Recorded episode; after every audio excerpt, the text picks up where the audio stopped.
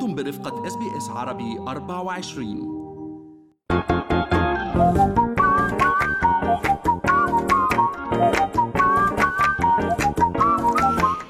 شو في ما في من أستراليا وحول العالم بفقرة منوعات آخر فقرات برنامجنا الصباحي. Good Morning أستراليا. وأنا بترا طوق الهندي.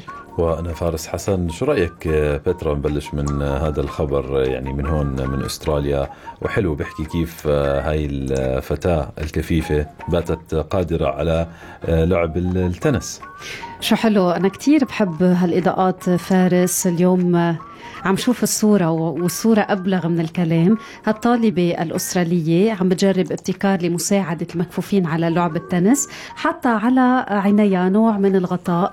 وافتكر هالغطاء عم يعطيها التعليمات المرئية بطريقة تقدر تفهمها دماغيا. صحيح يعني كتير حلو إنه صارت تقدر أو هدول الناس كمان صاروا يقدروا يلعبوا ping pong الحلو إنه كمان هذا الاختراع أو هذا الابتكار جاء من أستراليا. هي طالبة في جامعة سيدني بكلية الهندسة تحديدا اسمها فيبي بينج تعمل مع شركة ARIA Research التابعة للجامعة وأنشأت هذه اللعبة أو النظام التجريبي وقدمته في مؤتمر الصوتيات العام الماضي في سيدني. خلينا نقول فارس أنه جامعة سيدني قامت بتكريم الطالبة بكلية الهندسة آه وبإنشاء نظام هالتجريبي جديد يلي قدمته بينج بمؤتمر الصوتيات لعام 2023 في سيدني. الموضوع كالتالي طاولة ping pong تقليدية والمضارب كمان تقليديين والكرة عادية ولكن في مكبرات صوت على جانبي الطاولة. حلو. كتير حلو عن جد وكاميرتين عصبيتين أيضا بسموهم كاميرات الأحداث. تتتبع حركة الأشياء داخل مجال رؤية يعني الكاميرا. بشوفوا شو في تغيرات في سطوع الأسطح ويتم من خلالها يعني اكتشاف أو اكتشافها من خلال وحدات البكسل الفردية عبر مستشعرات الصورة. يعني عندنا مزيج بين تحفيز حاستين فارس السمع والنظر بس بطريقة مختلفة بيقدر يقريها الدماغ الشخص يلي يعني المصاب بالعمى. من خلال الجمع بين يعني ال output تبع هال two cameras فارس من الممكن تتبع موضع الكرة في الفضاء ثلاثي الأبعاد. يعني كأنه عم عم عم توصل المعلومه in 3D بالوقت الفعلي. وفي خوارزمية خاصة هون عم تستخدمها بتجمع البيانات وبتخلي هاللاعبة أو اللاعب يقدروا يمارسوا هالهواية بشكل طبيعي.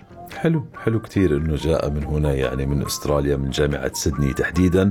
رح ننتقل من أستراليا على كوريا الجنوبية حيث أقر برلمان البلاد قانونا تاريخيا يحظر استهلاك لحوم الكلاب وهي ممارسة غذائية معتادة في هذا البلد تعود إلى قرون مضت امبارح كنا عم نحكي عن الموضوع تحت الهواء أنا وياك. هل المشروع أقر فارس بأغلبية 208 أصوات وسيتحول التشريع المقترح إلى قانون بعد إقراره من مجلس الوزراء وتوقيع الرئيس عليه وهي خطوات تعتبر شكلية حيث تدعم الحكومة اليوم هذا الحظر.